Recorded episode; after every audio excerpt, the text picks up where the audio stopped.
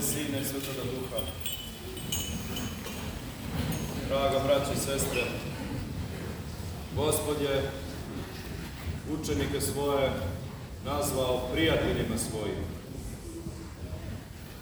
Bog je naš ličnost, Sveta Trojica. Gospod Hristos je došao iz ljubavi prema nama, da se sjedini s nama, da nas spase. I oni kaže, moleći se Bogu Otcu, da mu omilje da bude među ljudima. Ponekad mi zaboravimo na tu činjenicu da je Bog naš prijatelj i da On želi da bude prisutan u našem životu da se druži sa nama, da bude tu uz nas. On sve želi da nam da. Kaže, blaga ko nam je sprema gospod, to oko čovečije ne vide, uho ne ču i u srce čovečije ne uđe. I on nam je već sve dao. Život svoj nam je dao na krstu, koliko nas voli. I Bogu je prijatno među ljudima. I Bogu je lepo u srcu čovečijem i on žarko želi da bude tu. Ali ponekad mi, naš odnos prema Bogu i prema veri, doživljavamo tehnički. Bog nije sistem nekih pravila i nije neki daleki hladni sudija koji strogo meri da li smo ispunili svaku jotu nekakvog zakona Da je zakon bio samo dovoljan, gospod nije morao da dođe među nas, ostavi bi nam onu tablicu zakona i to bi bilo to. Da čovjek može sam sebe da spase, ali ne može, treba mu ruka Božija, treba mu zagrljaj Božiji. Zato i pokajanje jeste pre svega vraćanje u zagrljaj Božiji. Svest o tome da smo tu bezgraničnu ljubav Božiju povredili ili da smo otpali od nje i onda kad se setimo da imamo prijatelja, a svi imamo prijatelje u životu i znamo kako to funkcioniše kada uradimo nešto nažao svom prijatelju, nama bude žao, pa, ali ipak imamo poverenje da će on nama prostiti. Pa želimo da se izmirimo, da se zagrlimo, da zatražimo oproštaj, da obnovimo taj odnos, ali centar našeg interesovanja, centar naše, naše želje, centar naše, našeg delanja jeste da taj odnos poremećeni za koji smo mi krivi, da smo mi odpali, da ga ponovo vas postavimo. Dakle, drugi je centar, taj drugi sa velikim D jeste Bog. On je taj koji nas spasava. On je u centru našeg spasenja. zato vidimo i ovu evanđelsku priču koju je Gospod ispričao svojim učenicima i vidimo dva odnosa prema spasenju. Jedan je koji je imao farisej, koji je trudio se da ispunjava zapovesti i zasigurno da ih je sve što je naveo i da je ispunjavao.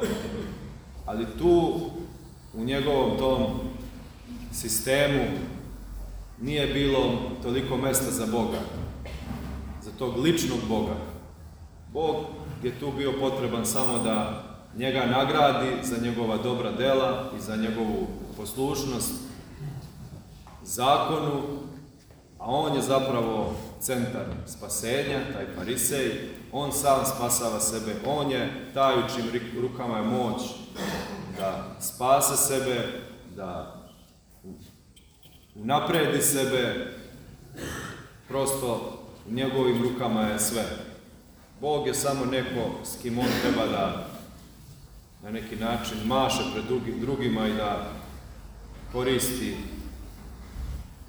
tu činjenicu da je on pobožan i da je čestiti, da je pravedan, da bi se hvalio i gordio na drugima. I to vidimo i po tome što je strogo sudio onoga carinika koji pred Boga nije imao nikako dobro delo da prinese, već samo toplo, iskreno pokajanje. Gospode, milosti budi meni grešno. Ovde treba, draga braća i sestre, svimima da se prepoznamo. U svakom od nas leži i farisej i carinik u nekoj meri. I mi sve više treba da budemo kao taj carinik. Šta je njega spaslo? Niti njegova dobra dela, niti njegovi gresi, da njegova molitva bude opravdana.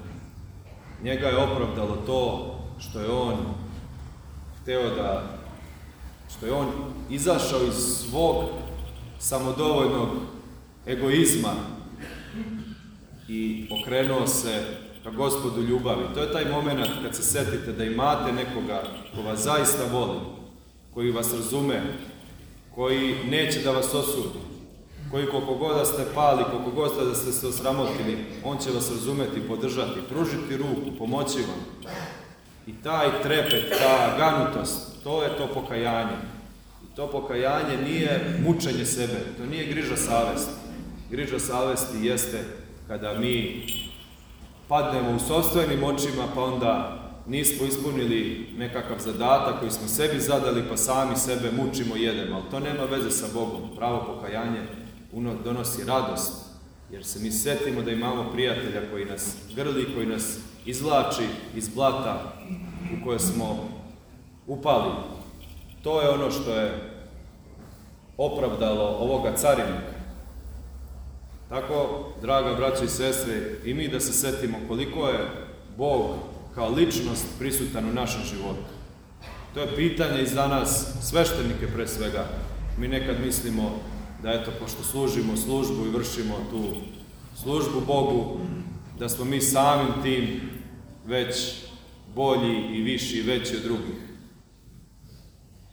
Kada pristupamo isto svetom pričešću, to je najznačajniji čin u životu svakog pravoslavnog vernika kad se sjedinjuje, kada pristupa tom zagrljaju Božije.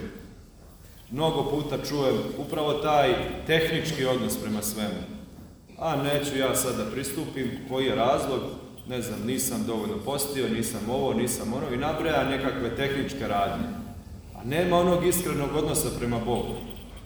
Nije on automat.